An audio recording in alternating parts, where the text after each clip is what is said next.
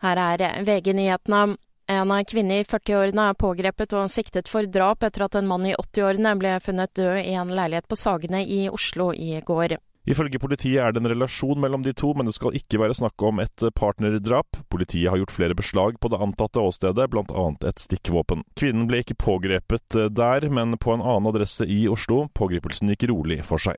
Reporter Andreas Hagen Haakonsen. FNs generalsekretær vil ha en uavhengig gransking etter at over 100 personer ble drept i en matkø i Gaza i går. Det kommer frem i en uttalelse, ifølge nyhetsbyrået Reuters. Senatet i USA har vedtatt en midlertidig avtale for finansiering av staten. En nedstengning av statsapparatet er dermed avverget i denne omgang, men den nye avtalen er likevel bare en midlertidig kriseløsning.